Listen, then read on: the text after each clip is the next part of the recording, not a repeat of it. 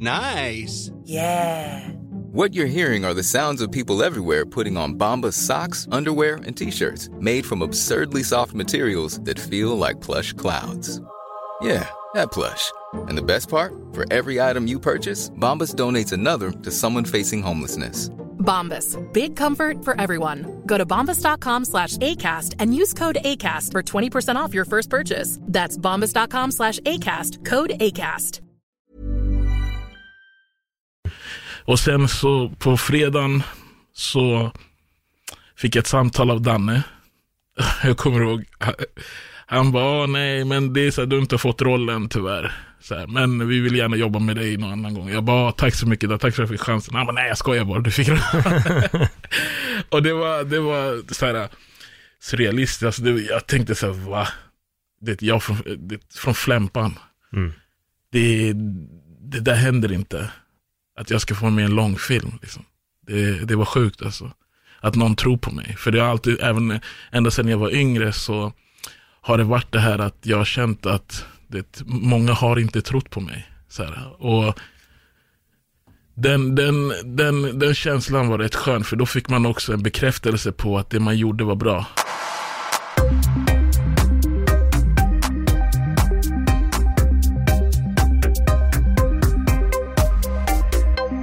Stefan Moncasa, välkommen till eh, Öppet sinne. Tack så mycket, det är en ära att få vara här faktiskt. Ja, men det är min ära att få, få ha dig här. Och, ehm, alltså, för folk som inte vet vem du är, så... eh, Var ska jag börja? Jag, jag sitter och tänker så här, nej men så här, du var med i Daniel Fridells film, Säg att du älskar mig va? Ja, precis. Ehm, och jag var och körde stand-up i, på din fritidsgård där i Flemingsberg. Ja, och då sprang vi på varandra första Yes. gången. Precis. Alltså det, när man tänker tillbaka så var det helt sjukt för det var ju där, alltså det var ju nästan så här att det klickade Mm. där. Och eh, som sagt, det var sjukt roligt att, att få, att du var där också. Så det var, det var så. Ja, men det var riktigt kul. Jag kommer ihåg att jag skämtade mycket just om din karaktär Lamin att älskar mig. Exakt, exakt. Jag satt där bakom. Och kontrasten med Lamin är att Lamin gråter ju så mycket i filmen. Precis. Och nu istället så satt du ju bara asgarvade hela tiden. Det, det där är lite jag, jag tycker om att garva. Alltså det är Ja. min grej. Ja. Och som du säger, det var en kontrast faktiskt med att spela den karaktären. För den karaktären gick igenom väldigt tunga saker. Mm. Och då fick man liksom gräva i liksom hur man skulle få fram det och sådär. Så det, ja. Men det är det. Hur, hur jobbar du med när du, får en, när du får en roll? För jag tog med dig också till en liten roll i Lättviks julkalender 2009. Eh, Jag var tvungen att se om den scenen som handlar om att... jag kommer ihåg också. Det Ja. gick inte att sluta garva. Nej, jag, jag kunde inte. Jag hade ju lagt till den här äh, repliken som är då att din, din största anledning till att våga vittna, det är just att dödsstraffet ska återinföras. Annars vågar inte du berätta något, för du är för rädd. Och jag vet att när den här scenen skulle spelas in, jag klarade inte av det. Jag vet att om man tittar noga på den scenen så ser man också att jag är inte med sen, utan det är bara Nathalie. Alltså. Och jag dog av skratt, men det var din leverans. Det var sån jävla trovärdighet i dina ord att så här, kommer ni återinföra dödsstraffet? Och jag kunde inte sluta skratta. Och Nari bara, kom igen nu. Och då var det ändå jag som var regissör och också ska vara den så här med, med kontroll på läget. Men det brast för mig, det gick inte, för du le- levererade Alltså bra. grejen är så, jag kände ju, alltså, den regin du gav, alltså, den var ju väldigt tydlig. Mm. Så jag hade ju inget problem att hitta den känslan. Um, oftast kan det ju vara så att man får regi och det kanske inte är så tydligt. Mm. Och då blir det svårare att hitta den känslan. Men just då så kändes det, det kändes bra. Och sen just att det var ett komiskt inslag av en, liksom, den känslan jag förmedlade som var så, så djup och Ja. så stark. Det var det som var grejen. Nej, riktigt roligt. Men vad ska jag, och, och när du väl jobbade med Daniel Fidel, hur var det där då? För då var du tvungen att söka en, en helt annan sida hos dig själv, kanske någonting som inte riktigt är du, eller kontrasten till det som är du.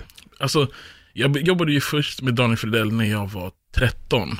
Mm. Och det var inte CTR som det var en, en tv-serie som hette En klass för sig. Och det var, det var så här att de, jag, jag, då gick jag i en spetsklass. Jag var, jag var en, en trouble kid. Ehm, och då kom de och sökte skådespelare fast i, i, i, i alltså, där, inte där jag gick, utan där alla andra gick. Och sen så, jag, då var jag ju inte så intresserad av film egentligen. Nej. Jag tyckte, jag kollade på film och så, men det var aldrig min passion. Alltså, jag har alltid haft fotboll som min passion. Liksom. Men, så det var inte det. Men sen så, min, eh, en, en vän till mig som heter Dina, så hon bara, nej men du, du ska gå och testa, fan, du är värsta pajasen. Jag bara, vad fan ska jag göra där? Alltså, jag kommer inte, det kommer inte funka liksom. Men sen så gick jag in och testade faktiskt. Och eh, fast när jag väl var där inne så gav jag fel namn. Jag gav fel telefonnummer. Alltså så här, jag bara drev rakt igenom hela grejen. Och eh, sen så kom jag ut så låtsades jag som ingenting för jag hade inte tänkt mer. Jag bara tänkte, vad ska jag? Alltså det här kommer ju inte gå. Alltså det här är ju så långt ifrån min verklighet. Så. Men sen så, av en slump så ehm, var jag i den byggnaden där jag egentligen inte skulle vara. Och så hade de kommit tillbaka för att leta efter mig. Mm. Och då kommer de och säger så här, men du gav fel telefonnummer och fel allting, men regissören vill träffa dig. Så här. Jag bara, nej, så här, men det kan inte stämma. Så här. Och sen till slut så, så gick jag med på det. Så jag bara gick dit, träffade Daniel. Och sen så castade jag några gånger och sen så fick jag rollen till tv-serien. Så det var där allt började. Liksom här. Och då var det en serie om en, om en skola där det är olika slags ungdomar och så. Men det var, det, det, var, det var sjukt roligt att få den möjligheten och det var ju han som på något sätt tog in mig i branschen. Liksom. Så han blev ju en mentor för mig också, än idag. Liksom. Mm. Vad har ni för relation idag då? Jo, vi har en, vi, vi, alltså, det är ju flera projekt som vi också håller på att samarbeta kring, så här, lite löst och så. Eh, Men sen så han, han, han har alltid funnits där. Eh, om jag har behövt hjälp med någonting, han har alltid ställt upp. Och han har liksom alltid ställt upp utan att velat ha någonting tillbaka. Utan han ser mig nog som en av hans, Mm. tror jag. Han liksom tog mig under hans vinge. Så, han, så, så, så vi, vi tar en fika då och då. Vi har pratat eh, om projekt och så. Ehm, så att eh, vi har en bra relation, faktiskt. Vad har han gjort idag? För det var eh, i min mening lite länge sedan man såg någonting utav Mm. honom. Ja, Han, gjorde ju, han har ju gjort den här dokumentären, är det Svartenbrand? Okej. Ja, Mm. den går, eller den gick, eller den finns ju på TV4 tror jag. Mm. TV4, eller More tror jag. Mm. Så den kan man se. Den såg jag, den är, den är sjukt bra. Så ni som är intresserade och så här, kolla på den. Den är grym. Mm. Så sen så håller han på också med sina projekt och sådär som är lite hemliga och så. Som, som han får avslöja. Han får avslöja dem själv. Ja, precis. Kommer jag du. Ja, exakt. Röjer allt. Det blir en podd om. Daniel Fridell istället. En timme. Vad gör Fridell idag? Vad skön. Nej, han är, Danne är skön. Danne har alltid, han har alltid ställt upp för mig. Och Mm. det, det är där vi är. Liksom så här. så. Mm. Men sen så, ja, det är också där, jag, jag, eh, det var också ganska roligt, men jag, jag, jag tycker inte om att flyga. Nej. Och ehm, när jag gick då på gymnasiet så blev jag kontaktad av Daniel Fridell och han frågade om jag ville komma och kasta för um, Lamin i Säg att jag älskar mig, för långfilmen. Och då, samma vecka så skulle vi åka på klassresa till Grekland. Och jag flyger ju inte så här, så att eh, jag bara, nej jag kommer, inte, jag kommer inte åka med. Jag kommer inte åka med, jag, jag är kvar i skolan. Och bara det var så här, shit, om jag hade åkt, vad hade hänt då? Mm. Men då så ehm, eh, testade jag. Och jag kommer ihåg att första castingen, det gick inte så bra. det gick inte bra alls. Alltså, han, men det, det är också så här att de, för jag var där med Daniel Fredell och PG Hylén. Och de såg någonting i mig. Så att de, de, de sa så att du hade en, en off day, men kom tillbaka samma vecka. Så jag kom tillbaka, jag tror jag gjorde det på måndagen, sen på onsdagen kom jag tillbaka.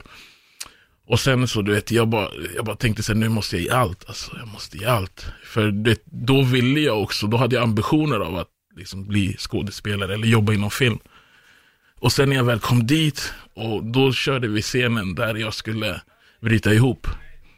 Um, och uh, vad jag kände, jag kände att det gick jättebra. Jag kände att jag fick, jag fick in det. Alltså det kändes riktigt bra. Och det, det var också mycket tack vare PG som var där, som liksom satt mig i ett rum. Det var helt mörkt. Och liksom gick igenom olika känslor hos mig. Och sen bara satte han på kameran och sa kör. Och då släppte allting. Och sen så på fredagen så fick ett samtal av Danne. Jag kommer ihåg, han bara, nej men det är så här, du har inte fått rollen tyvärr. Så här, men vi vill gärna jobba med dig någon annan gång. Jag bara, tack så mycket, då, tack för att jag fick chansen. Han bara, nej jag skojar bara, du fick den. och det var, det var så här surrealistiskt. Alltså, det, jag tänkte så här, va? Det, jag från, det, från Flämpan. Mm. Det, det där händer inte. Att jag ska få med en långfilm. Liksom. Det, det var sjukt alltså. Att någon tror på mig. För det har alltid, även ända sedan jag var yngre så har det varit det här att jag har känt att det, många har inte trott på mig. Så här. Och den, den, den, den känslan var rätt skön, för då fick man också en bekräftelse på att det man gjorde var bra. Mm. Jag gillar verkligen det du säger med att det var första gången någon, eh, någon trodde på mig. Och den här filmen blev ju också lite av en succé. Vad var responsen när den väl kom ut, när allting var gjort? Uff, vi fick en, ja, den responsen var ganska mäktig faktiskt. För vi började med att vi besökte um, um, vad heter, biografer när den skulle visas.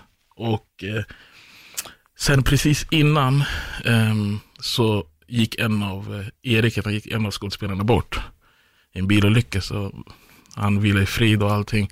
Så därför så blev det extra, det blev mycket tyngre än vad det egentligen skulle vara, tror jag. Men i och med allting så var det att vi åkte på, på, på premiären, eller på um, när, när vi skulle visa filmen. Och sen så fick vi prata med eh, besökarna. Och där kunde man känna av, för att där, redan där, de grät och det var en tacksamhet. Mm. Att, man, att vi skildrade ett sånt ämne, ett sånt viktigt ämne. Um, och bara, alltså som jag som skådis då, att kunna få vara med på ett litet hörn i en sån viktig film. Det var för mig liksom, hopp, alltså, det betydde allt. Um, men så, alltså, både på, uh, på internet och överallt så var det väldigt starka liksom, reaktioner, positiva reaktioner. Mm. Jag såg den här filmen lite senare. Jag såg den när det var, jag tror jag såg den på DVD. Mm. Jag minns den inte så mycket idag, men jag minns väldigt mycket din roll i det hela. Jag tycker den, alltså den stack verkligen ut. Det var, alltså det, det, det är så intressant där också med att ibland när man inte, som du säger, din värld var fotboll. Mm. Sen helt plötsligt snubblar man över någonting annat och bara råkar vara väldigt duktig på det. Medan det finns de som strävar efter någonting och är katastrof. ja, inom alla branscher yeah. alltså. Och ibland så är man, man, man vill någonting, men man har någonting annat i en som man är så otroligt mycket duktigare på. Mm. Och du har ju fortsatt med det här. Du fortsätter jobba med filmen. Du har ju tagit det också till en annan nivå med att producera eget och skriva och mm och regissera och sånt. Vilka, hur många projekt du har gjort? För jag vet att alltså, det är... Jag kan säga så här, vi började, jag, just nu så jobbar jag med min bästa vän och arbetskollega Stefan Sundin som vi träffades på gymnasiet och där så eh, vi bara Stefan, Stefan. Och sen så började vi garva. Liksom. Mm. Och sen dess så har det varit, liksom, han är min, han är min, bokstavligen min bästa vän. Liksom. Och då började vi, e-, efter gymnasiet då, så började vi eh, använda film som verktyg för att ungdomarna ska kunna samarbeta. Så vi började jobba väldigt mycket socialt först. Och det blev också vår skola. Så vi, först vi gick ju inte, vi hade inte gått någon, någon så här, eh, Stockholms Dramatiska eller någonting, utan vi lärde oss genom att göra de här sociala filmerna från, med ungdomar från olika orter. Och liksom vi tog då, vi samarbetade med kommuner, fritidsgårdar, kyrkan. Liksom. Så vi, vi gjorde de här filmerna. Och då märkte vi också så här att, fan, det här vill vi också jobba med. Och sen när jag, även när jag var i C, alltså spelade in CT älskar mig eller någon annan reklamgrej som jag gjorde och så här, då kunde jag få upp egna visioner på hur man skulle kunna göra det. Än liksom att regissören sa, så här och så här och så här. Så jag fick redan upp egna bilder. Så för mig var det så här, shit, okej, okay, man skulle kunna göra så här också. Eller så här. Men såklart, du vet, jag sa ju ingenting, men jag visste ju det själv. Så där började det någonting. Där startades någonting. Och jag är alltid en sån som, om man frågar min familj eller mina vänner, du vet, jag är alltid en sån som tar för mig när det gäller det. Jag är inte, jag är inte så blyg när det kommer till de sakerna. Utan jag gillar att testa, jag gillar att liksom framföra saker, det, vara i centrum, det är lite min grej. Men, och då så, eh, när jag väl, eh, när, vi, när, jag, när jag väl hittade det här, och då var det mycket enklare också för mig att få ner det på papper. För då visste jag så här, okej okay, det här vill jag jobba med.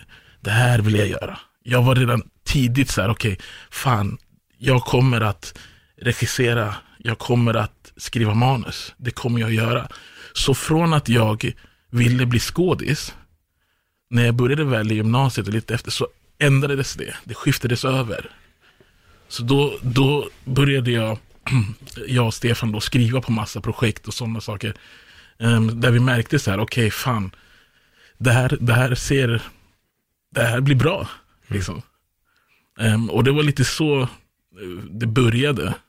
Så, här, så nu har jag tillsammans då med Stefan gjort, um, vi har gjort jättemånga sociala projekt, men vi har gjort um, två kortfilmer som, um, och tredje är på väg. Och sen så har jag, um, håller jag på att skriva på ett långfilmsmanus som jag också har fått stöd från, eller från um, Anders Andrews uh, eh, manusstipendie på att skriva det. Så fick 100, 125 000 för att skriva klart liksom manuset. Och Fan vad skönt. Ja, och, och det fick jag i samband med att jag blev förälder. Ja, så det, då kan man tänka mm. hur, hur nice det var. Liksom. Men det, är också, det ger en arbetsro. Att man kan fokusera på det. För att vi hade en väldigt speciell historia att berätta. Och eh, vi tror verkligen att det är någonting som kommer att liksom, sätta sina spår. Verkligen. Någonting du vill dela mer av eller är det hemligt? Nej, alltså man kan säga så här, vi spelade in novellfilmen som heter Om allt vore på riktigt. Um, den handlar om en ung kille som heter Tim som inspireras på en verklig person. Hans föräldrar var mina fritidsledare när jag var yngre, när jag inte hade det så bra. Så de blev nästan som extra föräldrar för mig, kan man säga, när jag hade det dåligt. Så deras son blev diagnostiserad med cancer och eh, det slutade med att han gick bort. Och eh, han hade en helt otrolig syn på livet. Han, han, det, det var liksom inget, han var inte ledsen på det sättet. Han var så positiv. Han var så positiv och det var det som, som man kunde se. Och man fick liksom, man blev inspirerad bara av det. Um, så jag, det, var väldigt, alltså, det var väldigt speciellt att få träffa honom och så.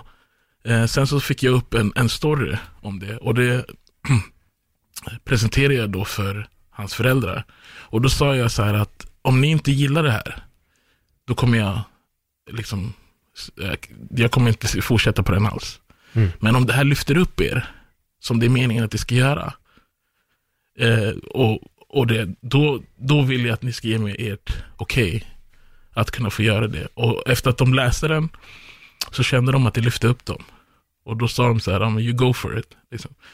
Och då, då kan man säga att han, jag har skrivit en story där han tillsammans med en skyddsängel, han får tre önskningar innan det är dags. Och så får man följa liksom hans resa.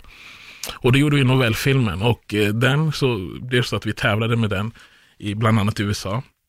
Och det var så roligt för den, vi täv, på, när vi var i Chicago med den så kom vi tvåa på den festivalen och den som vann blev också vann också eh, Oscar för bästa kortfilm. Åh oh, fan. Ja, så det var så här, även om jag är en, en så här, fan har vi vinna, men det var, det var okej. Okay. men då är det så att vi har gjort, vi gör nu långfilmen till den filmen. Liksom. Mm. Men skriver på manuset eller är manus klart? Eh, vi håller på med manuset nu. Okay. Så jag skriver på den sen jag har eh, Ylva Gustafsson som har gjort Försångare, min manusdramaturg och vi har mm. jobbat på den. Hon var även med på novellfilmen, men nu är hon också med på långfilmen och så. Hur tycker du är att jobba med filmmanus? Det är en intressant process alltså. Mm. Det är en, um, jag är en sån som, innan jag skriver, innan jag får ner saker på papper, så vill jag gärna ha, eller jag vill veta så mycket som möjligt. Jag vill inte lämna någonting åt slumpen. Liksom. Jag vill göra min research. Och eh, när man gör sin research, beroende på vad, vad man skildrar, eh, så kan, kan det mycket väl bli ganska djupt. Och liksom eh, ja, tungt. Och, eh, men, men, men när man väl har gjort det och sen när man kommer till att skriva så är det ju så här massa grejer man måste tänka på. Så, här, så att det, det är ju en resa i sig. Alltså Mm. det är verkligen det. Men jag, jag skulle, alltså om jag skulle ge något råd till, till någon som skriver manus, alltså det är att lyssna på andra. Lyssna på andra. Det, man tror att man vet bäst. Fast det, det är inte så. Men, men att man lyssnar och sen att man ehm, Även man, man- alltså, det är inte så att man ska lyssna och ta allt. Men Nej. man måste ju lyssna och kunna sålla på det man känner att så här, okej det här passar in och det här inte. Ehm, men att liksom ehm, och sen att man avslutar någonting. Sätter en deadline. Ja, eller bara så här att, kanske inte behöver vara en deadline, men det, alltså att man inte stannar mitt i en Mm. process. Jag tror att det är jäkligt viktigt att kunna få avsluta, Mm. för att sen känna så här, okej, men nu har jag i alla fall avslutat det här. För annars tror jag att det kan bli en ond spiral med att man eh, gör någonting och sen när, när det har gått 70%, 75%, då stannar man. Och då är det så här, nej men jag börjar på det här istället. Mm. Och Ja, när, det- man kanske, när man kanske når något hinder eller någonting. Det är ju så jävla lätt hänt. Jag har ju skrivit, ja men som du vet, jag skrev ju manuset till, till sketcherna vi gjorde. Jag har skrivit massa stand-up. Eh, men jag vet inte om du vet, men jag la ju av med stand-up och humor för att jag vill skriva böcker. Ah, Det är det som jag har gjort, så jag har skrivit två böcker. Wow, inget, som är, inget som är publicerat på något sätt. Det måste skrivas bättre. Okej. Jag måste gå igenom allting igen. Men, Nej. men jag håller med dig om det där. Det, det, man kommer alltid till en instans, typ vid 70% där man känner att, äh, men fan det här är ganska jobbigt och det börjar dyka upp en ny idé här, så jag gör den nya idén istället. Men den idén skulle också stanna vid 70%. Man har tio idéer på 70. exakt, exakt. Så till slut har man verkligen tio filmer som, de har ingen slut. Det fattas en tredje akt liksom. Ja, men de är fett bra. Men jag har en ny idé nu som jag känner man måste fortsätta på.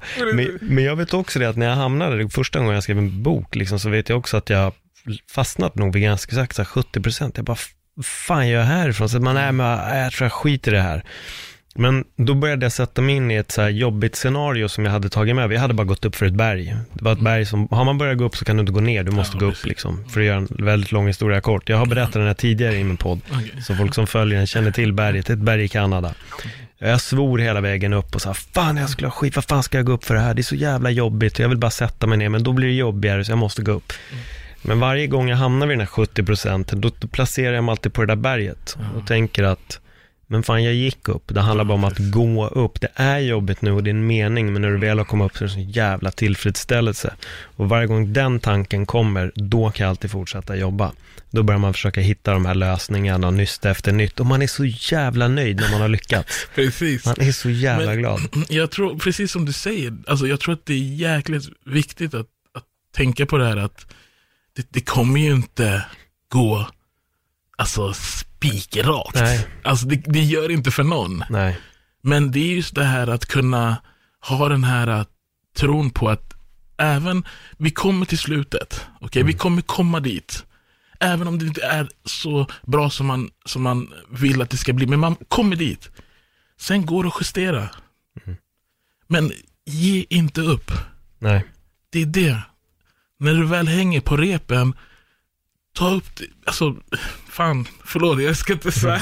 men, men, ja, men det, är, det är just det att, att, att man, när man kommer dit, för ofta så är det att det, det är någonting som blockerar. Men, men man ska i alla fall göra klart, gör klart det. Jag, jag, jag tror stenhårt på det alltså. Verkligen. Jag, alltså, jag, jag, känner, jag känner själv också så här, när jag väl skriver, det finns många gånger jag bara tänker så här, vad ska jag göra nu? Det är ingenting som klaffar, alltså, det går inte ihop. Men sen så måste jag stanna upp, andas, tänka, det ska inte klaffa just nu. Förstår du? Det ska inte det, men det kommer göra det sen. Det kommer göra det sen. Brukar du använda dig av det här uh, throw in a man with a gun-scenariot? Du känner till det va? Ja, nej, jag. Jag, jag kan förklara den för folk som inte vet. Eh, När man, när man eh, skriver, det finns en rekommendation just när det gäller med bokförfattande. Det här är även till, till manus såklart. Men när en scen har tagit stopp, då kan du alltid skicka in en man med en pistol, för att det kommer hända något.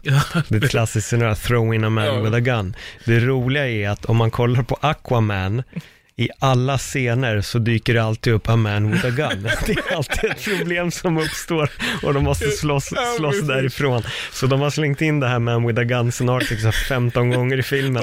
då stannade du. Det, Exakt. Hela tiden. Men, men den funkar alltså, det Ja. behöver inte vara liksom alltid en pistol, utan Nej. släng in ett problem. Eh, Jag hamnade i det när jag skrev min första bok. Då vet jag att jag var i ett litet stiltje på en, det var en fest. Jag bara, det händer ingenting här. Jag bara, nej men, jag ska bara låta allt kaos uppstå som Mm. kan uppstå. Och det blev fan med den bästa scenen jag hade skrivit. Jag bara sket i alla begränsningar och bara liksom, äh men fuck it, jag kör, den här ska göra det, han ska göra det, vad blir det för respons när det här problemet börjar uppstå? Och det blir total kalabalik. Men en helt magisk scen Mm. Ja alltså. men du ser. Och det, jag tror mycket av det där också är att du vågar släppa loss. Alltså att Ja. dina begränsningar. För ofta så är det så att man har så nej men jag måste skriva någonting som är inom den här ramen.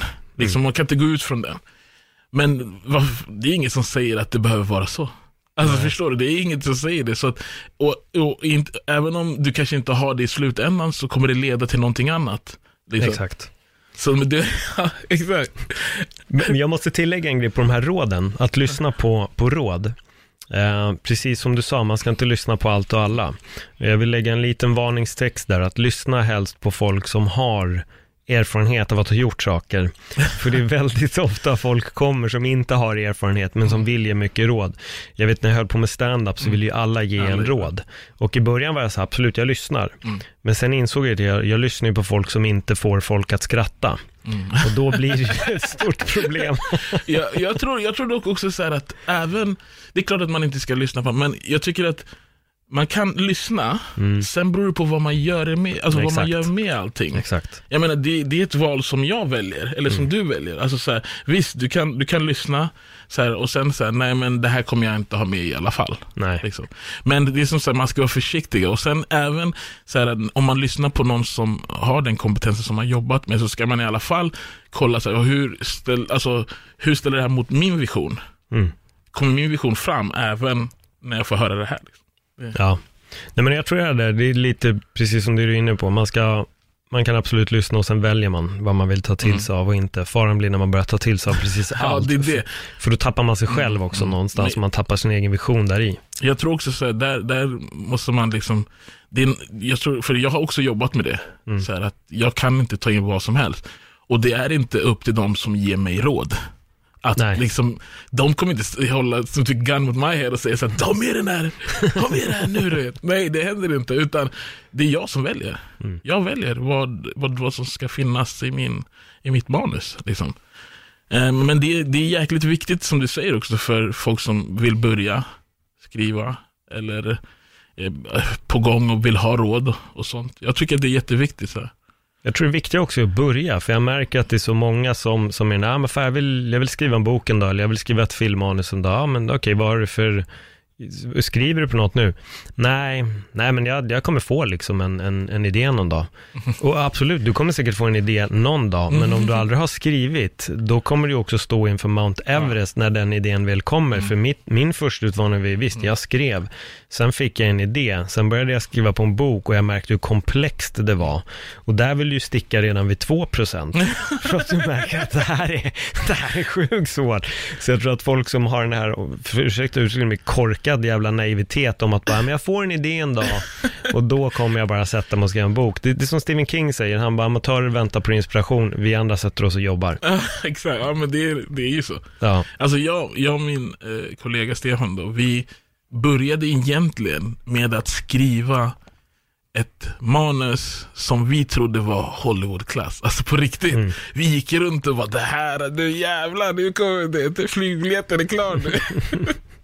men, sen, men sen, det var så sjukt för du vet, och det var, nej, det var så pinsamt. Vi, vi skrev manuset på Word. Alltså det var så här.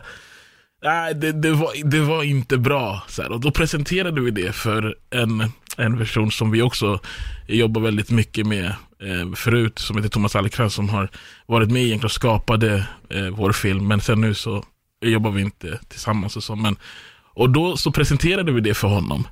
Och, och då, vi bara, vänta nu, sen, sen när han fick det, han bara, vad fan är det här för skit ni skickat ut? han bara, det är där, där, där, där, där, där, där. Du, du vet, kom tillbaka när ni, har, när ni har gjort om och gjort rätt. Typ sådär. Och vi bara, vad fan säger han för något? Han vet ju ingenting du vet. Vi bara, äh, brush it off du vet, det är flygbiljetter fortfarande. Men sen när vi, när vi tänkte efter, vi bara, fan han har ju rätt alltså. Det här är ju sunkigt. nej men det är sant, man måste rannsaka sig själv liksom. Absolut. Och, och, och, och då vi bara, nej, det här, du vet, vi gör om. Vi kollar, vi gör research, vi, vi liksom lägger ner mer hjärta än vad vi har lagt ner tidigare. Och sen när vi kom tillbaka till honom, två år senare, med, näst, med den versionen vi hade då, och då var han så här, nu vill jag jobba mer. För det här, den skillnaden som ni har gjort från då till nu är helt enorm. Så vad kan ni göra framöver? Typ så. Ja, men det är ju det, var det ert första Ja, manus som ni skrev ihop? och, och, det är det som ni har fått frågan om det här med mina böcker. Ja, men, åh, fan jag skulle jättegärna vilja läsa, säger någon och så vidare. Jo, men, eller vad är det som gör att inte din första blev släppt? Jag bara, idén är briljant. Men den måste skrivas på ett bättre sätt. Och det är det där lite som jag har analyserat olika filmer, böcker som jag har läst. Alltså du kan läsa en patetisk idé, men den är briljant skriven och det är fantastiskt. Det är skitbra. Sen kan du läsa en bok som har en helt briljant idé, som är helt superunik, men det är skitdåligt skrivet. Och då kommer den skitidén som är fantastiskt skriven kommer vara svinbra. Så det hänger många gånger inte bara på vad man vill säga, utan det handlar om verkligen hur man får fram det. Hur man väljer att berätta den här historien. I, I slutändan är det där det ligger och jag tror att det är det väldigt många som kanske bara läser en bok eller ser en film, man glömmer eh, att det är liksom hur en sak presenteras Så absolut. som är det superviktiga. Och då som du säger själv, ni hade en idé, ja, ni framförde den uppenbarligen som skit, men ni rättade till det här och till slut kom ni med en liten guldklimp och då fick ni jobb. Fortfarande samma idé, Mm, bara att den är framförd på Ja. ett nytt sätt. He- helt rätt. Och jag tror, alltså mycket av det där också är att man ska kunna rannsaka sig själv. Yes. Och liksom kunna så här, se det från ett annat perspektiv också. Inte bara från sitt eget liksom. För jag älskar egentligen, jag älskar att få feedback. Alltså det är bland det bästa som finns.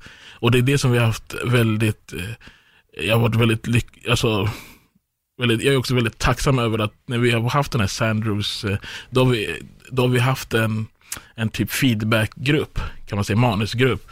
Och då är det, är det två som jobbar där och sen även den andra, eh, Maria Eriksson som har fått det andra stipendiet. Och då har vi feedbackat till varandra. Och det har varit helt fantastiskt, för då får man ju också det från olika perspektiv. Liksom så här. Och sen det, det är inte alltid de håller, eh, att de är överens, så här, utan det det, då tar man det där, det där. Liksom så här, så jag älskar feedback och så här, att få någon att liksom, få mig att visa för mig, så här, vad, vad menar du här? Så, här, så att jag kan också få det. Liksom. Jag tycker att det är jätte, jättenyttigt och det, det är någonting som jag tycker att det, de flesta, så, här, så fort man får feedback från andra, liksom så här, att man liksom gör det. Jag tycker det är bra. Jag tycker, men du, du har en, en bra poäng där och jag tycker också det med att folk kan ha sjukt svårt att ta feedback till och från. Jag har inget problem att ta feedback, men det gäller också att det, är, det ska vara konstruktivt på ett Ja, sätt. sorry. För Det, går ju, det går ju inte bara att säga, du vet, det här är skit. Nej, Men kan du inte berätta i så fall vad du menar? Vad är det Precis. som är skit? för, för, för vi var ju offentliga på ett forum med lättvikt, med Ja. vilka vi var, för att det var ett forum som hade spridit vår, uh, mytomaner tror jag var, hade Mm. spridits väldigt mycket där, så jag bara, Så jävla bra. Ni måste se, alla har säkert sett den. Det är, den är helt fantastisk. Jag Ja. tror de flesta har Ja. sett den, i alla fall som lyssnar på podden med det här laget. Men där, eh, och då var vi så här, men tack för att ni liksom har stöttat. Vi, vi har fått mycket views på grund av er, tack. Mm. Vi håller på att göra ett nytt projekt liksom, så vi kommer lägga upp våra klipp här och så får ni dela med er vad ni tycker. Och då var det någon som bara gick ut med att, nej det här är skit. Och då gav jag svar på det. Och då var det någon som bara, men du kan ju inte bli sur för att han säger att det är skit. Jag bara, nej inget problem med att ni ger feedback. Jag bara, men, men säg något mer istället för att det bara är skit och sitta och, och såga oss. Ja, det, Kom med någonting konstruktivt. Jag bara, här är, jag bara, vi är i alla fall offentliga med vilka vi är. Ja. Vi står för vilka vi är. Ni gör inte det. Men liksom fan, bemöt oss på ett lite schysstare sätt. Vi har haft en skön dialog här så här långt, så kom inte bara pissa på oss för att vi inte uppskattade just den här sketchen. Och det är det, det också, att, precis som du säger, jag håller helt med dig om att det ska vara på det sättet. Man måste kunna, man måste kunna få det förklarat om, ni, om, man, om man vill ha någonting att säga. Mm. Det vill säga, om du tycker att det, att det här inte är bra, då får man fan med liksom förklara varför. Alltså varför man tycker att det inte är bra. Ja. Det, ja. det, hoppas, det hoppas jag att alla får. Ja, nej, men den är svår, men det tror jag att är bättre att vara typ i en grupp som Mm. du är, där alla, ja, alla skriver, alla ger varandra feedback. Då blir det på ett, jag tror att det blir på ett annat sätt. Mm. Ja, det är det jag menar lite, där. man ska alltid lyssna på råd, men ma- man ska nog också se över lite vem det kanske är som ger rådet. Mm. Är det bara random person någonstans som tycker och tänker? Det, men, det, men det är lite som det här med att jag jobbar inte med det här, men jag ska förklara för dig hur du ska göra ditt jobb. Ja, fast nej, nej tack. Eh, lite som mig som kommentator, ja men du borde göra så här och så här istället. Ja, fast jobbar du som kommentator? Nej, ja, nej men det är lugnt. Alltså, Tack, vi, vi har känt, okej? jag tar råd från de som jobbar med det och i sådana fall så får de komma med pikar. Jag tycker inte som dig. Nej, det behöver du inte. Nej, det behöver du inte. Det är liksom helt Man okej. får tycka olika. Så. Men vad, Men vars, jag, ja. förlåt, nu vill jag flika Kör, in här. släng in. Men jag blir ganska intresserad så att när du sa att, att, att du började skriva böcker. Alltså hur kommer Mm. det sig? Det, Eh, Ja, men det var, alltså när jag, när jag höll på med stand-up så kände jag väl att eh, jag fick skratt. Jag, jag har aldrig riktigt haft problem att få folk att garva. Däremot så kunde jag känna att jag får bara folk att skratta, men jag vill få fram någonting mer. Jag ville få fram ett budskap, inte bara fan Paul var kul, vad sa han? Jag vet inte, vad roligt liksom. Jag vill också få folk att tänka. Och jag märkte att när jag började skriva längre berättelser eller typ en sketch, då kunde jag bolla med liksom djupare filosofiska frågor eh, på ett väldigt humoristiskt sätt. Men jag kunde inte göra det på stand-up-scenen. Jag fick inte till det setup punch, utan jag var tvungen att bolla dialogen mellan personer som kanske tyckte olika, sätta dem i ett scenario och där börja spela på Ja men som sagt samhället, politik, religion, filosofi, liv och död. Och jag kunde ändå få fram det på ett väldigt roligt sätt. Men, jag lyckades inte på stand-up. mm, okej. Och då fick jag en idé till en bok. Och då kände jag bara att varje gång jag skulle skriva skämt så var det mer att, nej men jag vill nog fan skriva på den här boken istället. Och då kände jag att, mm, fan jag ville skriva en bok. Jag, läs, jag läser fortfarande, men, men just under den perioden, alltså jag läste en bok hela tiden. Jag Mm. läser alltid nya böcker. Och ehm, jag kände också på något sätt en frihet att skriva en bok i jämförelse med att skriva manus, som när jag höll på med sketcher, var att varje gång jag skrev så fick jag begränsa mig till vad jag realistiskt också skulle kunna åstadkomma Ja. i att göra film eller sketch. Medan när det helt plötsligt var en bok, jag bara, ah fan wow, jag är helt fri. Jag kan placera det här var jag vill, jag kan ta in vem jag vill, vad som helst kan hända. Jag kan spränga alla byggnader på hela jorden. Jag behöver inte Ja, tänka att, nej fan alltså, jag tror inte Jocke kommer kunna fixa det här i klippningen med CGI. Det blir dyrt, vi har inte pengar att lägga Ja, på det här. Jag kan inte ta in de här skådespelarna för att alla jobbar gratis, även jag och alla som ska vara med. Så det var bara, det öppnades upp som, som om jag var i en godisbutik och bara, jag kunde göra vad fan jag ville liksom. Och jag förstår, är man typ Christopher Nolan, Steven Spielberg, de här stora regissörerna, du gör vad fan du vill liksom. Du har en producent som löser allting efter. Men här kunde jag bara med den totala friheten skriva exakt vad jag ville skriva och det det kändes jävligt skönt och jag, jag gillar dialog. Jag gillar just att kunna föra en dialog mellan, mellan människor. Jag tror att det just konversationerna mellan folk som är min styrka när jag skriver. Det jag måste bli bättre på är det andra. Eh, att liksom bygga upp miljöer och, och skriva och det är där jag måste utveckla mitt skrivande och sen även mitt skriftspråk måste bli bättre, vilket det blir. Men jag har, jag har inte skrivit på ett tag nu, jag har bara Men jo- jobbar du själv då, eller har du någon annan som du bollar med? Jag jobbar oftast helt själv. Okej. Sen brukar jag alltid låta någon läsa. Jag brukar alltid ha typ någon polare eller familjen får läsa någon scen. Ibland så vänner får, får hoppa in och läsa. Min första bok var några som fick läsa. Eh, och det var några som fick vara med liksom i processen också från att jag skrev. Så varje, det jag skrev varje dag skickade. Jag hade några som jag skickade det till. Felet där var väl det att det var väl folk som kanske inte läste hela tiden och kunde såklart ge feedback, men kanske inte kunde säga att du Ja. måste tänka på det här vad gäller ditt skriftspråk. Ja, Så att den är väldigt felskriven ur ett rent så här, hur det ska se ut liksom. Men det var också min första bok och det var jag jävligt medveten om. Och jag kände väl direkt när jag började att så här, ja men bok tre kommer ju vara mycket bättre än den första boken jag någonsin skriver. Så jag sa till mig själv att jag skulle skriva fem böcker totalt. Bara för att utvecklas. Bara ren så här, jag vill bli bättre. Mm. Jag skrev två, sen skulle jag renskriva den andra, började plugga på Poppius och där kom jag av mig av någon jävla anledning. Så nu har jag en bok som måste renskrivas och den första överväger jag helt att skriva om totalt. Okej. För att jag har så bättre karaktärer, ett bättre scenario. Så det är mycket, så Nej, det, så lå- det finns Det där. låter mäktigt. För Men- jag, jag själv, alltså jag har också haft så här, fasen, det skulle vara jäkligt nice att kanske skriva någon, eh, en bok någon gång och så. Mm. Jag har haft eh, eh, en, en vän till mig som heter Douglas Foley som har gjort showböckerna och, och Habib och, och då, han, han har varit också en stor, eller en, en mentor och så här, ett, alltså alltid liksom velat hjälpa till. Så, här, så att jag har grävt lite i det, Mm. så här, fast inte riktigt tagit steget ut. Däremot så har jag, jag och han ett projekt också ihop som, som vi jobbar och eh, har faktiskt eh, skrivit en, eh, ett treatment på nu. Ehm, och då är det väldigt, treatmenten är väldigt litterärt skrivet. Och eh, som sagt, vi ska jobba väldigt mycket med det tillsammans och sådär. Så att jag, jag kommer dit. Mm, Jag kommer spännande. dit, ja. För jag tycker att det, det är som sagt, det är, det, det är som du säger att just det här att när, när det är film så måste man såklart tänka på budget och Mm. det ena och det andra. Även om när man skriver så här, man vill inte ha de där begränsningarna. Man vill inte, men de, de alltså jag menar, ska jag skriva en, en, en, en, en grej som inte det finns pengar till, alltså, det, det är vad det är. Ja, Ehm, så att, att kunna göra det och att det stannar där och att man också får lite ehm, bygga ut i sin egen fantasi. Liksom, när man läser boken, det tycker jag är spännande. Men vi får se. läser du mycket själv? Nej, Nej. Nej. faktiskt inte. Jag ska inte sitta här och bara, jo, jag läser fem böcker om dagen. Nej, nej. Alltså jag har, jag har alltid haft svårt eh, och har det än idag.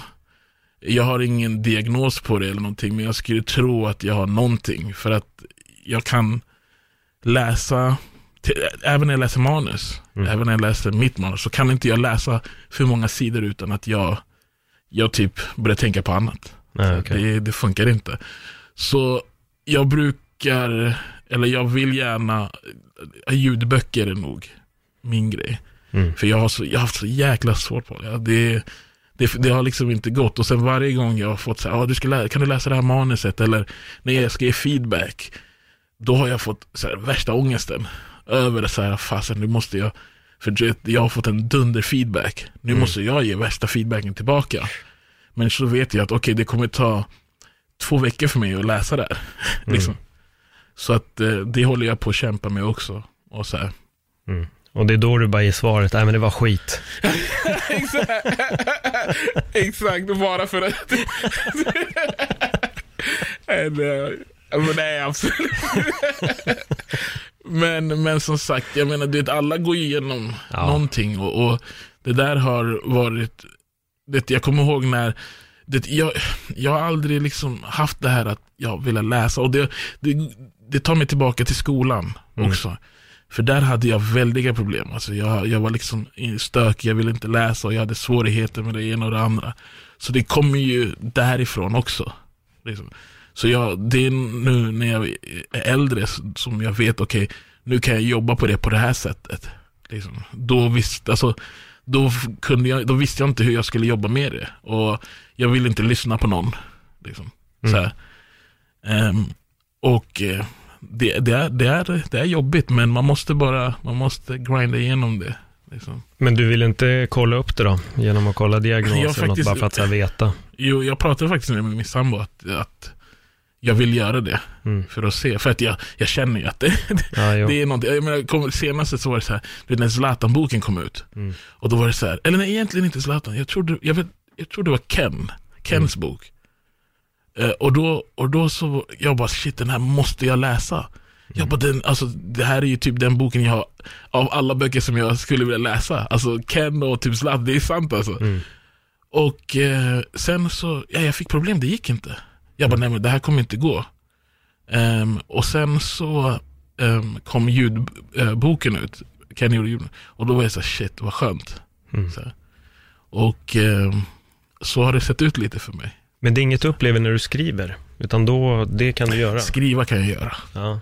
Ja, det, det, det, det är inga problem alls. Nej, ja, men det är ju skitskönt att Ja. det ändå liksom, att du är safe på skrivandet. Mm. För det hade Det- varit ganska alltså, jobbigt jo, annars. men det är sant. Alltså, jag, jag känner så här, jag vet inte vad det är. Alltså, så här, jag, jag kan känna också så här, nu det här så har inte jag faktiskt sagt det, men jag och min eh, kollega pluggade på STDH eh, på fortsättande filmregi eh, i samarbete med Filmbasen. Så vi pluggade då där. Och även när jag satt på lektion och det var den mest intressanta lektionen, alltså det var sjukt intressant. Så här, och det är det jag vill lära mig och allting.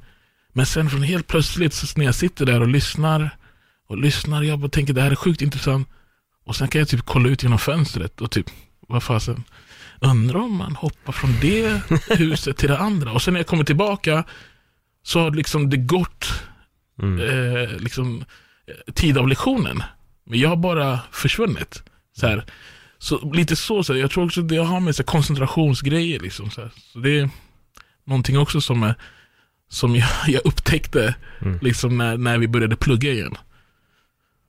Ja, men då det är ju så alla, alltså där, ja, det låter ju som att det är någonting. Men gör en, om du känner att du vill kolla upp det så tycker jag att du ska göra en Mm. undersökning eller vad det kallas då. Kommer förmodligen. Ja, ganska skönt att få svaret för då vet man ju också. Ja.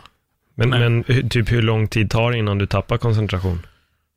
Nej, alltså jag, jag är med rätt så, alltså jag är ju med. Det är, inte att det, det är bara det att jag får de här uh, moments där Mm. jag tänker på annat. Även när det är jätteintressant. Mm. Liksom. Och det är ingenting jag kan, jag känner att det är ingenting jag kan påverka. Liksom så.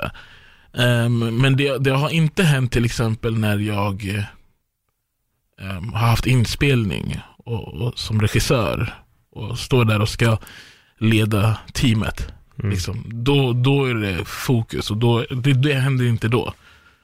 Men på det andra, Du, har- du har bättre fokus än mig. Jag kanske hade behövt lite av ditt där när vi skulle köra den där scenen. Jag kunde inte sluta garva. var kunde-. Jag kunde inte släppa fokus för fem öre på bara en enda detalj och det var dödsstraffet. Så jag hade nog behövt segla iväg till de här husen en stund och bara vara tyst. Ja. ja, precis. Som jag kollar ut nu, kolla. Ja, exakt. exakt. Ja, nej, men så, ja, lite så är det. Ja. Men, men det, det är skönt nu också så här, eller jag kan tänka mig då när jag var yngre, så här att, eller så här, du vet att när, man var, när jag var som jag var så var jag väldigt så här, ingen ska säga till mig någonting. Jag, jag gör som jag vill nästan. Mm. Så här, och jag, sen så också ham, jag hamnade ju på hem i Uppsala, liksom, på grund av det. Så att då var det mycket där jag liksom kände att det inte, det, det, det, det klaffade riktigt då alltså. Och jag kan tänka mig många som går igenom det nu, att vet, de får den hjälpen. För att hade jag, hade jag fått den, den hjälpen jag behövde så kanske det hade, alltså kanske det inte hade varit som det är idag. Mm. Så jag vet inte, men det är lite så jag tänker. ja, men hur länge bodde du på hem? Ehm, I ett och ett halvt år i Uppsala. Mm. Ja. Hur var det? Eh, det var, det var väl, alltså det var, jag var, bodde ju inte på en låst avdelning, utan det var ju på ett hem fast det var rätt så öppet, så det var inte någon LVU eller något sånt. Men där var det så här att du vet, man, det, du är i ditt rum vid den tiden och du ska gå till skolan, du äter frukost då, du äter middag då och du gör det här, du ska städa och vi gör det. Alltså det fann, till en början så kände jag nog att det var sjukt jobbigt. Det var sjukt jobbigt, alla de här omställningarna. Men sen så tror jag nog att det var det jag behövde. Få lite struktur. Ehm, och, och, och, och det är klart att det var borta från familjen och så. Familj och vänner. Ehm, fick komma hem kanske varje helg. Det var inte säkert. Det, det, det var ju svårt såklart. Jag kommer ihåg att Ehm, jag, eh, jag hade, när, när, när, jag tror det var en av de första kvällarna, så jag bara låg där i sängen. Så här, jag bara tänkte, så här, det här är kaos. Det här är kaos. Jag, alltså, vad håller jag på med? Alltså, även om jag inte kunde liksom rannsaka mig ordentligt, men jag fick verkligen den känslan. Liksom, så här. Och jag, många nätter där jag typ drömde, så här, typ, alltså, det var galet alltså, så här, från, från början. Liksom. Men ja, sen så, de var, de var också väldigt duktiga där på hemmet, måste jag säga. Mm.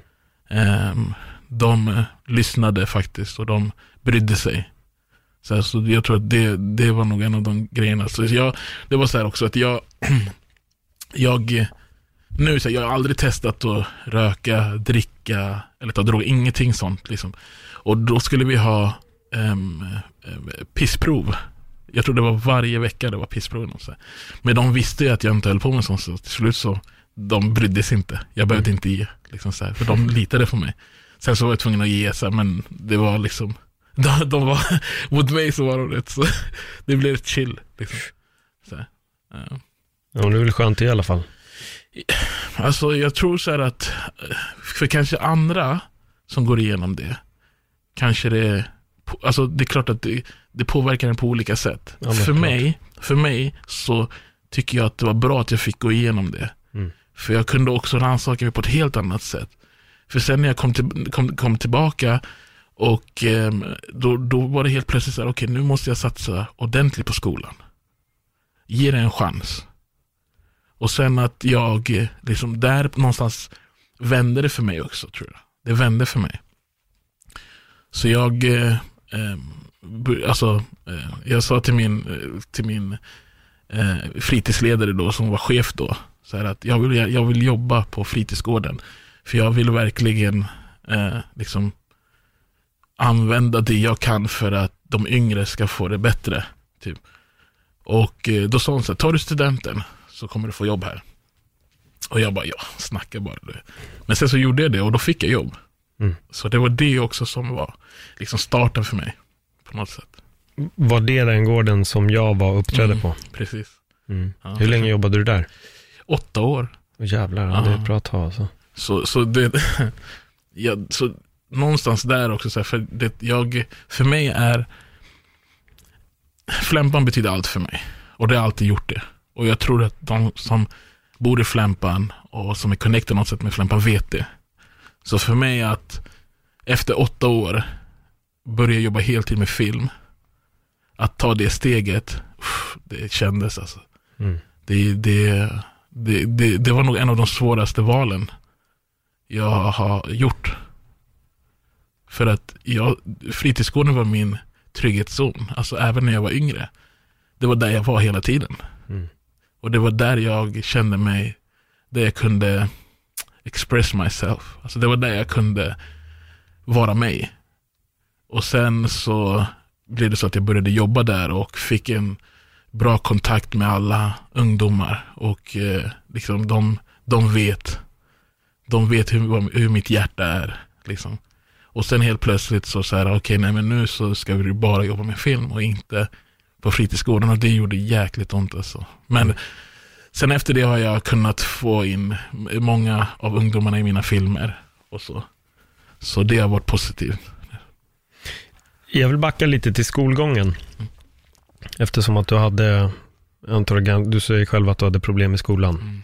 Var det med lärare? Var det med ämnen? Och Det var med allting typ. Det med alltså, allt. det, men mest, jag tror så här att jag har alltid känt det här att, att, att, att jag har inte fått någon bra vibe med vuxna. Nej. Alltså det, det, det klickade bara inte. Och, och jag har alltid haft svårt för det.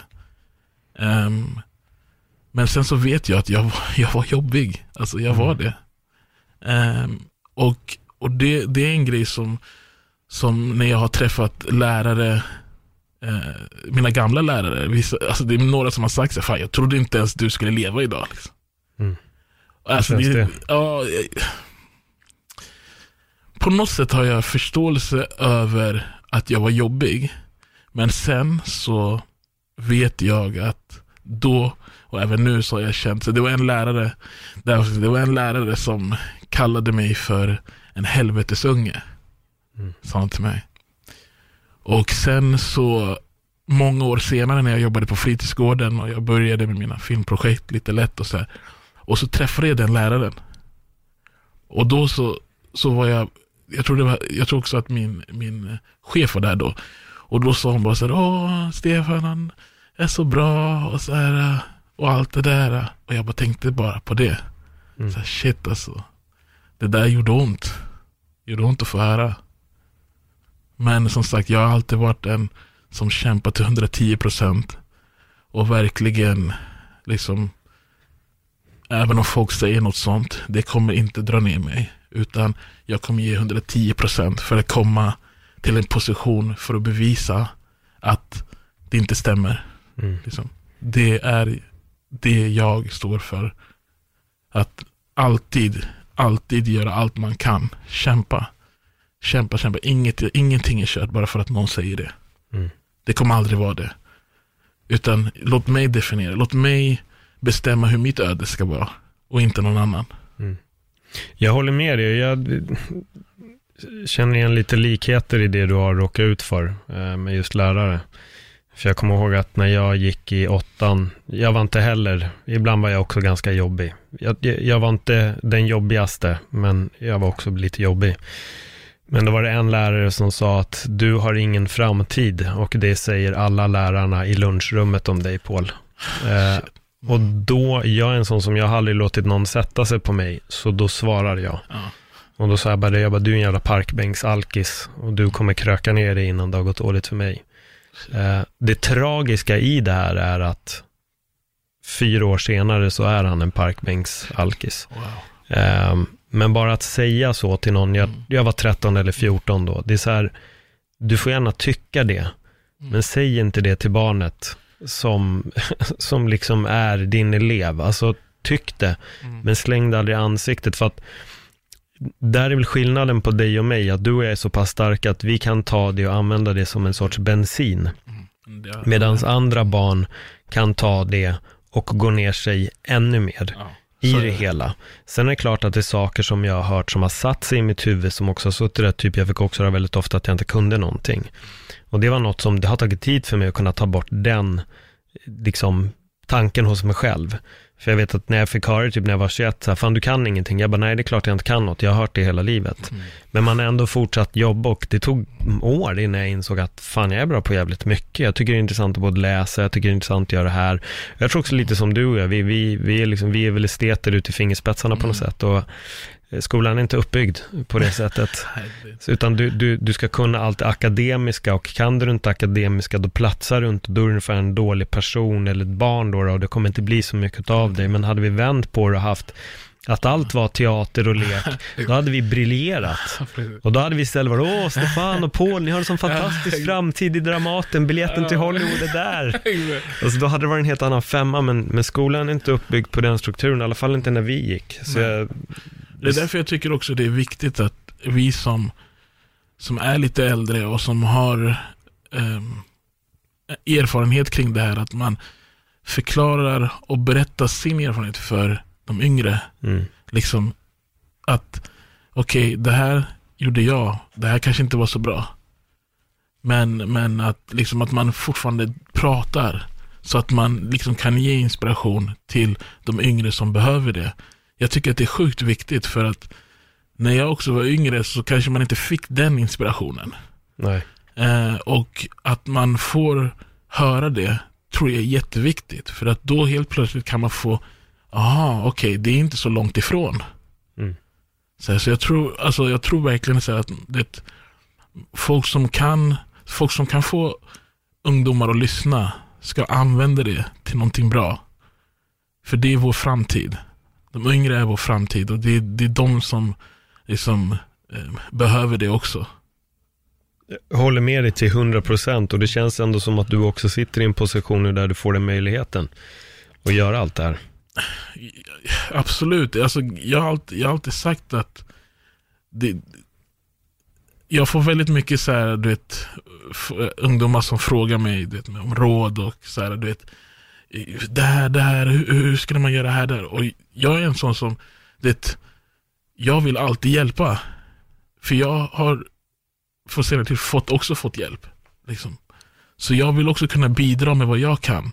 För om inte, om, om, om jag inte kan bidra med det, då faller nästan hela grejen. Alltså, så här, du vet, jag, alltså, det jag fått måste jag föra vidare. Och det, då pratar jag egentligen bara om mig själv, men min kollega Stefan som jobbar han, han tycker exakt likadant. Och hela vår grej bygg, har byggts upp på det. Så att de, de yngre som, som, som är vår framtid, om de behöver råd, hjälp eller det, guidning, man måste vara där. Mm. Man måste finnas där. På ett eller alltså, jag menar folk, folk oftast kan tro så här, eller tänker så här, ah, men du vet om jag ska hjälpa den här personen så måste jag det, det, det, kommer ta hur mycket tid som helst. Nej, det är inte. Alltså man ska veta att ett meddelande, ett kort telefonsamtal, någonting, det hjälper. Det betyder jättemycket. Och det är det, det, jag, jag, jag har alltid varit så. Sån, sån är jag. Liksom så jag, jag, vill alltid, jag vill alltid för det första sprida glädje men också att kunna vara ett stöd. Liksom. Så det spelar ingen roll om, om, jag gör, om jag gör en film eller tio filmer. Jag kommer vara likadan i alla fall. Mm. Fan, det är bra budskap som kommer fram här. Jag gillar det. Jag, jag tycker det är bra. Det är viktigt. Det är som du säger. Jag tror att ibland så räcker det bara med det simpla, som du säger, ett samtal. Det räcker med en uppmuntran. Mm. Att bara lyssna. Jag tror också det här bara att vara ett öra, att, att lyssna eh, på någon som vill berätta sin historia. Att bara ta till sig av storyn. Man kanske inte behöver ge en livsguidning men ändå bara lyssna. Ge de, de små råden tror jag är de bra. De små råden kontra att du är en helvetesunge eller det kommer inte bli något av dig mm. i framtiden. Det är så jävla... Ja, men det, ja, jag, jag, jag, kan bli så jävla ställd bara av att tänka tillbaka på, på de sakerna som, som du berättade för mig att du fick höra och att, att jag har fått höra. Så, vem fan säger så? Det är min, vem fan säger så? Det, tro mig, det där är en, en sak som jag har frågat mig väldigt många gånger. Så här, hur ja. kan man säga så till ett barn som jag var då? Mm. Alltså så här, hur, och i så fall vad ville man få ut av det? Mm. Det är så här. Men sen så vet jag, alltså, som, oj, jag, jag menar, även om läraren som sa det är ju också en människa. Mm. Har gränser. och har liksom så, så att jag kanske var så jäkla liksom, jag verkligen var så jäkla jobbig så att det, det liksom, hon nådde någonting. Alltså, mm. det kom, alltså, så jag vet inte. Jag, det, jag försöker inte, jag vill inte heller ha för mycket agg mot folk. Alltså, så här, jag vill inte, så här, jag, jag, jag lev, hon kanske gick igenom någonting. Vem vet? Mm. Jag tror också så här, man behöver inte bära med sig. Den grejen genom hela livet på ett negativt sätt. Jag tror också det finns en tid för, alltså jag, som sagt, som du också, man, man släpper det, mm. man går vidare. Man kan alltid undra varför, ja. men man släpper ändå liksom den här tanken. För mig det med, blir det väl en, en, vad ska man säga, simpla. Jag, jag, jag skulle inte göra så mot någon Nej. annan bara. Det är väl mer det. Eh, men jag tror aldrig att jag, jag tror ingen skulle kanske börja bete sig på ett sätt heller mot mig så att jag skulle komma med de eh, kommentarerna. Jag, men jag tror att det är fan i, i, i slutändan, det är inom alla yrken det finns många som är jävligt dåliga på det de gör och det drabbar även läraryrket. Det finns ja. riktigt kassa lärare där ute och det finns riktigt kassa människor på alla, alla arbetsplatser. Ingen arbetsplats är, är fri från, från dåliga utövare utav sitt yrke. Eh, Så är det ju. För, för det kunde jag märka att avsaknaden, jag hade en lärare som fick mig att förstå att jag kunde lära mig. Det var matematik, det ämnet som jag ansåg att jag var sämst på. Men jag gick ut med de högsta betygen jag kunde få på den tiden. Mina wow. betyg var de sämsta man kunde få. Men eh, matte förstod i alla fall att jag kunde. Och hon var den enda läraren som fick mig att fatta att jag kan lära mig. Hon var den enda som fick mig att förstå att du kan. Mm. Eh, det var en person som gav mig den känslan av alla lärarna som jag hade. Sen fanns det de som jag inte hade ja, något problem med. Men hon var den enda som uppmuntrade mig på, på det rätta sättet. Ja. Och jag tänker, fan, tänk om alla lärarna hade varit så, då hade jag ju fan varit eh, mega-akademiker idag. Hade du och jag suttit och pratat om helt andra ämnen, om hur filantroper ska förändra världen på, med våra miljarder.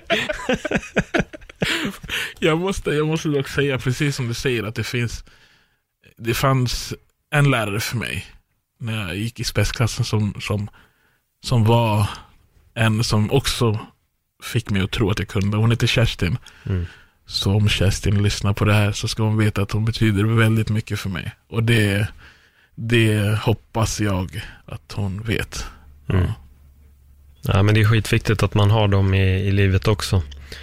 Eh, jag känner att jag har fler frågor, men jag känner att vi avrundar här ändå, för att vi är på en sån bra del i den här podden, så istället för att det blir fem minuter av några ströfrågor, så lämnar vi den här. Ja. Stefan, tack för ett eh, jätte, fan bra, alltså shit vad vi har gått igenom olika känslor i det här avsnittet. hoppade där. Ja. Tack så mycket att jag fick komma verkligen. Och det är som jag sa innan, din ära att få vara här. Och att eh, om det är, det här, det här är viktigt. Mm, Det här är viktigt att prata om och så. Så tack så mycket. jag definitivt. Tack själv. Sist, men inte minst, right. om folk vill följa dig på din resa, Yes. Var hittar man eh, dig och eh, den andra Stefan? Hur, hur följer man er? Eh, Ni kan få Instagram, då är det snabela Moncasa, M-O-U-N-K-A-S-S-A. Och eh, det vet jag inte vad Stefans, men jag lovar dig att om ni följer mig så kommer ni se honom där. Mm. Ja, jag tror att det är Sundin film. Nu kommer någon Ah, helt annan ja, massa nej, du får- Följ Stefan. Följ, ja, Stefan följ, följ mig så kommer ni hitta Stefan där. Men sen eh, så får ni hålla utkik på kommande projekt och så. Ja. Grymt. Fan vad kul. Bara Eh, kärlek. absolut, det vet du. Och vi, eh, vi har ju följt varandras resa i några år och vi kommer följa varandras resa ända in i graven. Så är det. Men den är långt bort. Till skillnad mot vi vad, till skillnad mot vad läraren trodde. Vi, vi spelar in en till podd om hundra år bara för att bevisa. Exakt. Hörni, kära vänner, tack så jättemycket för den här gången. Hej då.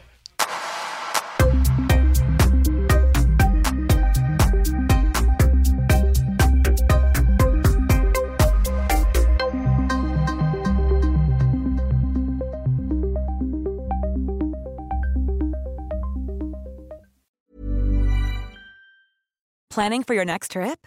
Elevate your travel style with Quince. Quince has all the jet setting essentials you'll want for your next getaway, like European linen, premium luggage options, buttery soft Italian leather bags, and so much more. And is all priced at 50 to 80% less than similar brands. Plus, Quince only works with factories that use safe and ethical manufacturing practices. Pack your bags with high-quality essentials you'll be wearing for vacations to come with Quince. Go to quince.com slash pack for free shipping and 365-day returns.